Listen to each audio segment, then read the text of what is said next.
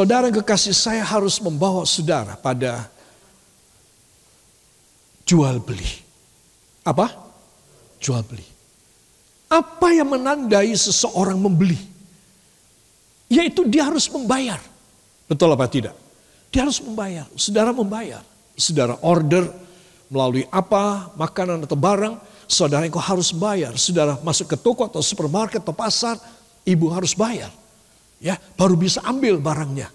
Nah, di sinilah saudara tentang jual beli nyawa. Katakan jual beli nyawa. Orang yang hidup tidak benar, saudara, nyawanya tidak ada, tidak akan dibeli oleh Tuhan. Tetapi orang yang mau hidup benar, nyawanya ditanggung pasti menjadi milik Tuhan. Tuhan membeli dia Katakan, Yesus membeli saya supaya saya tidak dihukum. Nah, saudara, itu sebab pada slide ini saya akan menutup dengan Yohanes pasal yang ke-19 ayat 30. Mohon dibuka pada Alkitab saudara. Yohanes 19 ayat 30. Ya, saya akan menjelaskan mengenai soal sudah dibayar. It is completed. Yohanes 19 ayat 30. Satu, dua. Sesudah Yesus meminum anggur asam itu, berkatalah ia, sudah selesai. Lalu ia menundukkan kepalanya dan menyerahkan nyawanya. Amin. Yesus berfirman apa? Sudah selesai. Dan ini adalah kata-kata keenam dari tujuh perkataan Yesus di kayu salib. Saudara, ini adalah kata-kata keenam yang tidak ditulis pada nomor yang ketujuh hanya di sini diakhiri pada oleh Yohanes dan Yesus menundukkan kepalanya dan menyerahkan nyawanya. Ya, saudara. Jadi di sini kita melihat perkataan Tuhan sudah selesai. Katakan sudah selesai. Apa arti sudah selesai? Ya, hari ini siang tadi saya sampai lama mempelajari dari dua bahasa Alkitab, baik bahasa Ibraninya maupun bahasa Grekanya. Dan saya mendapatkan rahasia itu luar biasa. Apa maksud sudah selesai? Saudara, adalah proses jual beli bahwa ketika A yang membeli kepada B, A sudah membayar. Dan kemudian ketika A membayar, saudara, zaman dulu tidak ada kwitansi, tidak ada risit, tidak ada bill dan nota, ya, begitu sudah dibayar, maka barangnya dibawa, sudah selesai. Jadi tidak ada sesuatu barang yang boleh dibawa sebelum pembayaran selesai. Sebelum pembayaran completed. Nah, kata terjemahan dari New English Translation, salah satu versi Inggris, when he had received the sour wine, anggur yang kecut itu, Jesus said, it is completed. Sudah komplit. Komplit. Kata komplit.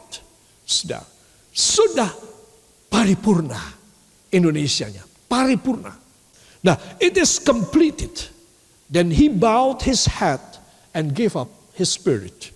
Saudara yang kekasih, when he had received the sour wine, ketika Yesus mengecap anggur yang kecut, anggur yang masam. Ketika dia mengatakan, aku haus. Bayangin, saudara. Yesus sang air kehidupan. Dia berkata pada perempuan dari dia ada yang ada di sumur dari Samaria ini. Kalau engkau tahu siapa aku, maka engkau akan meminta kepadaku air itu dan aku akan memberikan kepadamu air itu terus menerus. Ternyata wanitanya adalah seorang wanita WTS, saudara, yang berdosa. Dan Yesus mengatakan kalau engkau kenal aku, engkau akan minta dari aku air yang akan mengalir terus-menerus, yaitu air kehidupan. Saudara yang kekasih, jadi Yesus adalah dia yang sanggup memberikan. Dia yang membayar semuanya, bukan air-air yang akan kalau kamu minum air dari sumur ini, kata Yesus kepada perempuan Samaria itu, kamu akan haus lagi dan kamu akan datang ke sumur ini lagi. Tapi kalau kamu menerima dari aku air kehidupan, maka air kehidupan itu akan memuaskan kamu sampai selama-lamanya. Tuhan, Tuhan, berikan air itu kepadaku. Supaya aku tidak usah ke sumur ini saben kali. Apa jawab Yesus? Sebelum aku memberikan air itu kepada kamu. Bawa ke sini suami-suamimu. Tuhan, aku tidak punya suami. Ya, semua memang bukan suamimu. Tapi kamu punya lima laki-laki yang menjadi suamimu. Saudara yang kekasih. Jadi Yesus itu maha tahu semua keadaan kita. Katakan ini luar biasa. Dan wanita ini berkata kalau begitu engkaulah Mesias. Dan dia lari meninggalkan Yesus masuk dalam kota lagi karena sumur itu ada di luar kota. Dan dia mengatakan pada orang-orang di pintu gerbang kota. Aku telah menemukan Mesias. Ayo ikut aku. Aku bawa kamu untuk ketemu dengan dia. Karena dia menceritakan semua dosa-dosaku. Coba. Saudara yang kekasih, it is completed. Dialah yang sudah membayar semuanya. Semua dosa saudara dan dosa saya. Saudara, dia sudah membayar tidak ada satu sen atau rupiah yang ketinggalan Oh masih ada ini om belum dibayar nih om 15 rupiah atau 1500 rupiah. Gak ada semua sudah dibayar. Sampai dosa-dosa yang terkecil di dalam hidup manusia Tuhan berkata it is completed. Dan dia menundukkan kepalanya. Menyerahkan nyawanya. Saudara yang kekasih. Jadi di sini kita melihat bahwa Kenapa saudara dan saya ini harus menjadi seorang yang benar-benar hidup dalam kebenaran. Semua katakan, karena Yesus sudah membayar semua hutang dosa saya. Saya harus menghargainya dengan hidup benar. Amin. Jadi di sinilah saya dan saudara ketemu dengan kasih setia Allah yang luar biasa menemui orang yang tahu diri. Katakan, saya harus menjadi orang yang tahu diri. Karena Yesus telah membuat semuanya lunas. Sehingga saya tidak dihukum di neraka. Amin. Yakinkan diri saudara bahwa engkau tidak akan dihukum di dalam neraka. Yakinkan diri saudara. Karena sudah ada yang membayar. It is completed. Saudara. Kalau saya dan saudara mengerti akan hal ini, saudara engkau tidak akan pernah merasa kesepian, tidak akan pernah engkau merasa menjadi ngelukro hidupmu dan engkau merasa bahwa engkau tidak berguna, tidak. Engkau tidak akan pernah merasa bahwa engkau ini ditinggalkan dan diabaikan oleh orang lain. Engkau tidak akan pernah merasa bahwa engkau itu hidup sendirian lonely. You will not feel about that. Because Jesus with the Holy Spirit still be with you and living inside you, outside you. Insab Anda dan saya harus tahu, it is completed. Ya, dalam bahasa asli Alkitab perjan, uh, perjanjian baru, dalam bahasa Greka, Yunani disebutkan teleo. Teleo diambil dari kata telos, ya saudara. Dan Arti daripada teleo ini adalah memenuhi bayaran. Sehingga sah, sah secara hukum dan diambillah barang yang dibeli tersebut. Dia sudah teleo. Karena apa? Karena dia telah melakukan telos. Dia telah membayarnya lunas. Kalau belum lunas tidak boleh dikatakan telos. Sudah. Jadi it is completed berarti secara hukum, secara sah sudah terbayar. Itu kata orang benar. Jadi betapa besar maknanya kalau saya berani mengatakan saya orang benar. Saudara mengatakan aku orang benar. Engkau betul-betul sudah dibayar oleh Tuhan Yesus. Di mana dia membayar? Di kayu salib. Dan dia menyerahkan nyawanya. Ganti semua hutang, ganti semua di mana saya dan Anda masuk di dalam pegadian iblis. Dia ambil, dia bayar semuanya. Dan dia ambil bukan barang tetapi nyawa saya, nyawa saudara diambil untuk menjadi orang benar. Sekali lagi beri tepuk tangan yang baik bagi dia. Saudara yang kekasih, itu sebab penting sekali. Tuhan memenuhi bayaran kita dan kita secara hukum ilahi kita sah menjadi orang merdeka. Amin. Nah, di dalam perjanjian baru kata telos dan teleo ini dipakai beberapa kali di dalam kisah yang akan kita baca. Saya persilahkan saudara membawa Alkitab saudara atau membuka dan bangkit berdiri dari Matius pasal yang ke-17 ayat 24 sampai 27.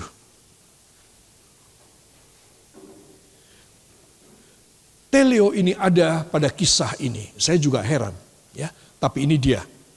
Kelihatannya kisah yang kita baca ini tidak ada hubungan dengan soal utang piutang, ya. Tetapi ada soal yang lain. Matius pasal yang ke-17 ayat yang ke-24 sampai 27. Kita mulai membaca dari judulnya. Satu, dua. Yesus membayar bea untuk bait Allah. Ketika Yesus dan murid-muridnya tiba di Kapernaum, datanglah pemungut bea bait Allah kepada Petrus dan berkata, Apakah gurumu tidak membayar bea dua dirham itu? Jawabnya, memang membayar.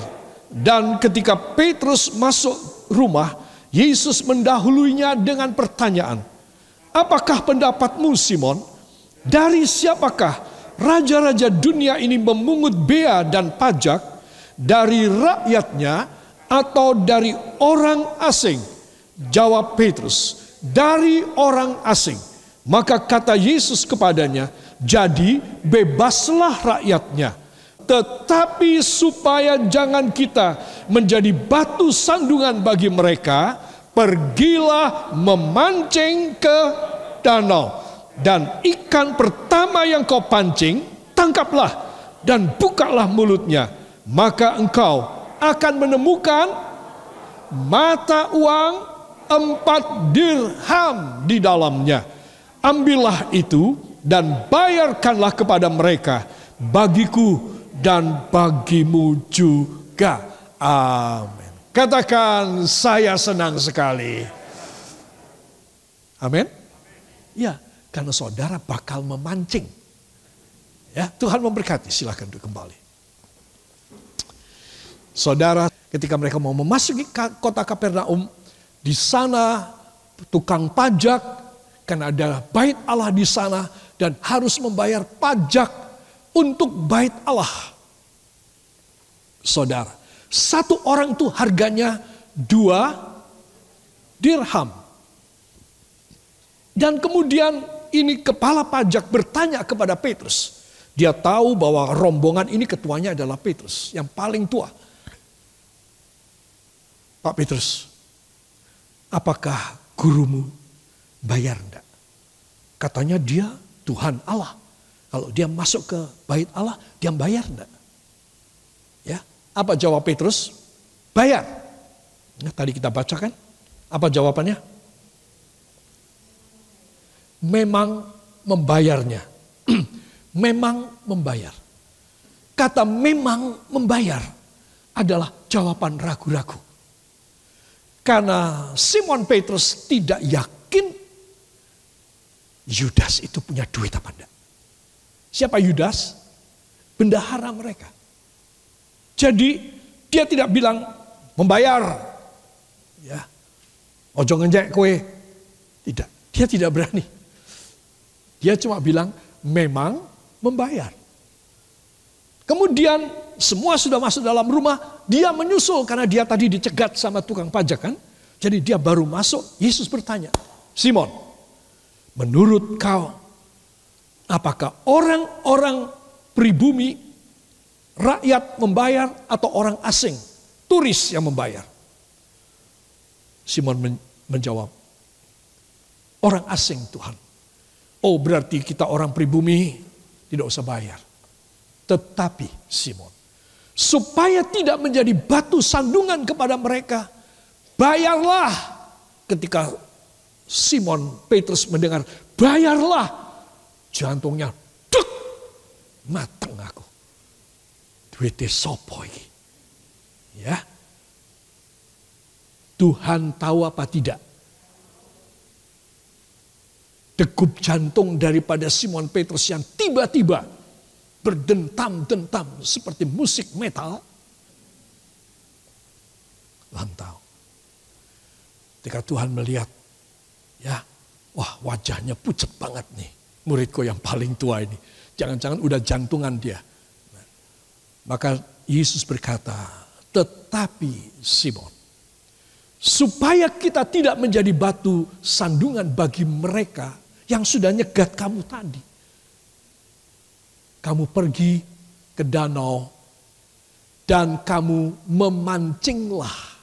Jadi Simon Petrus dia ambil kailnya, pancingnya, dan dia mencari cacing atau udang goreng bagu.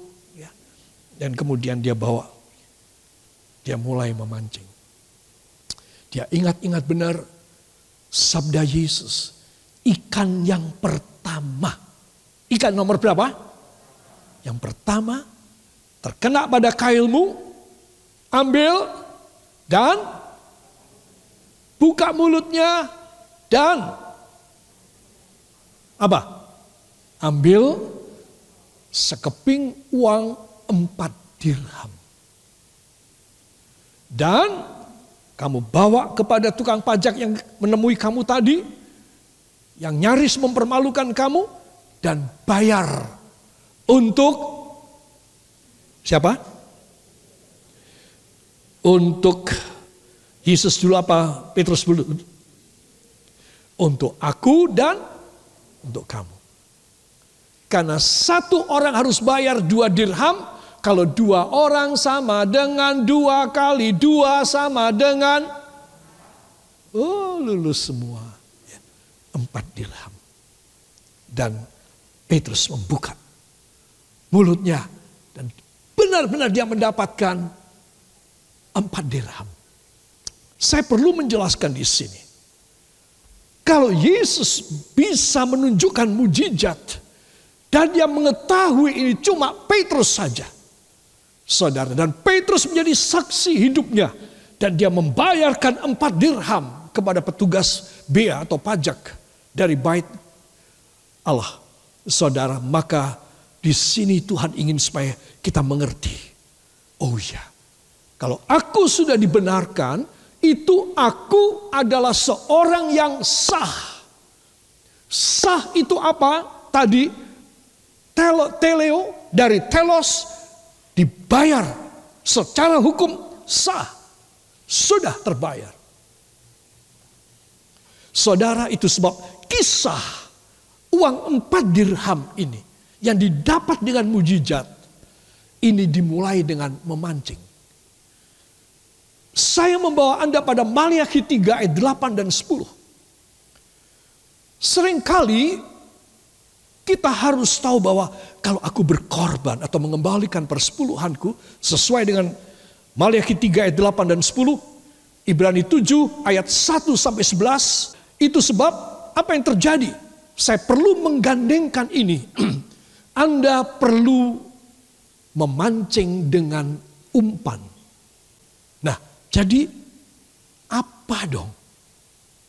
Kalau saudara-saudara ingin supaya mujizat saudara mendapatkan kelimpahan dari tidak punya, jelas loh waktu itu Yesus sudah tidak punya uang.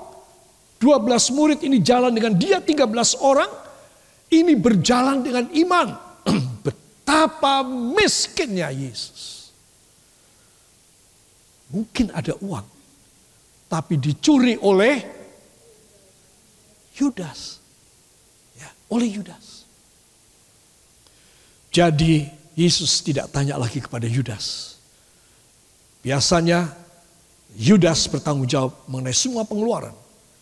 Tapi kali ini Yesus tahu uangnya nggak ada. Dicuri oleh bendaharanya. Jadi apa yang harus dia lakukan? Kamu ambil pancing, kasih umpan, mengail, memancing. Ikan pertama, buka mulutnya, dan ambil empat dirham. Bayar buat aku dan buat kamu. Jadi harga saya dan harga Yesus. Harga Anda dan harga Yesus. Itu harus terbayar karena mujizat Tuhan. Saudara, bagus sekali. Saudara, supaya apa? Supaya kita ini tahu aku harus memancingnya. Saya katakan orang mengembalikan persepuluhan itu dia memancing. Dia memancing. Saudara, jadi kalau tahun ini saudara ingin diberkati luar biasa, nggak seperti tahun kemarin, saudara naik turun, terjerembab, cungkir balik, nggak karuan, megap-megap. Duh, apalagi ya kata sing agak sadis sedikit gitu. Ya. Perhatikan, engkau harus mengembalikan persepuluhanmu.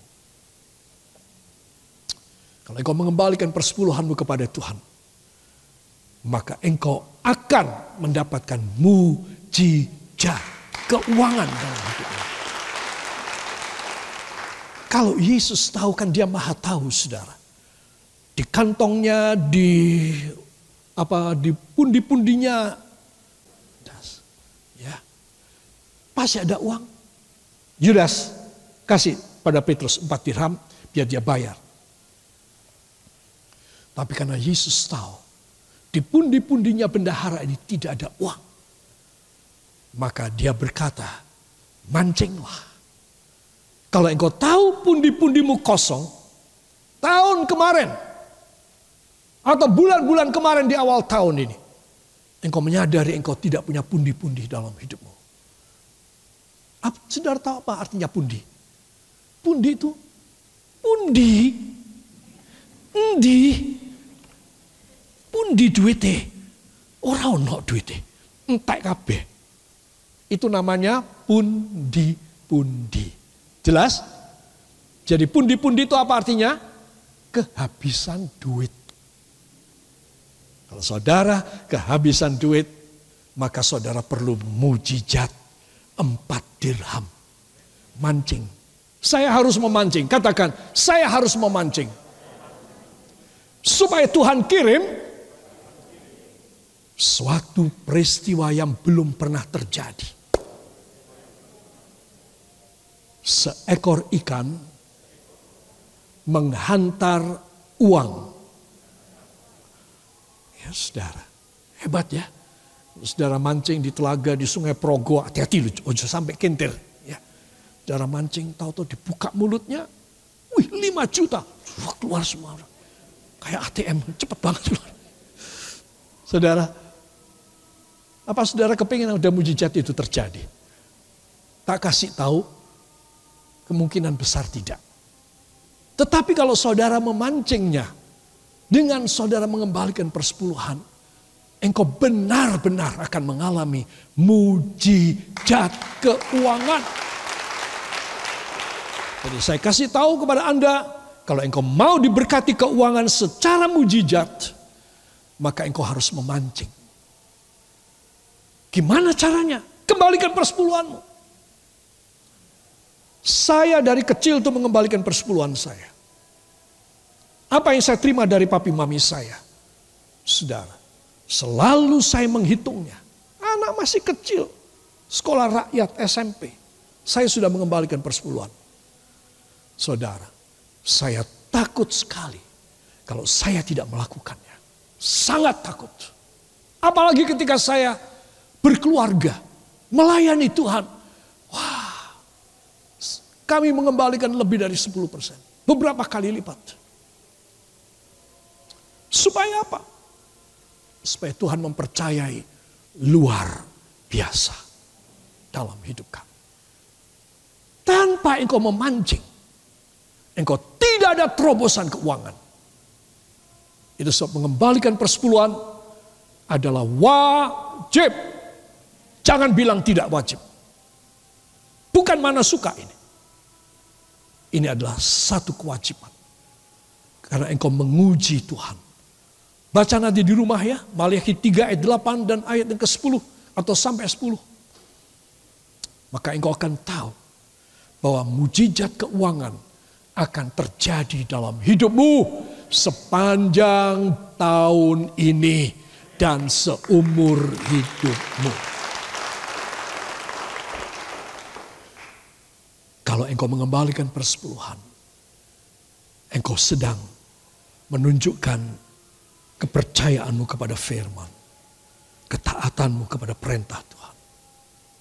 Apa sih, seberapa sih? 10 persen, 20 persen, 30 persen, tidak ada apa-apanya.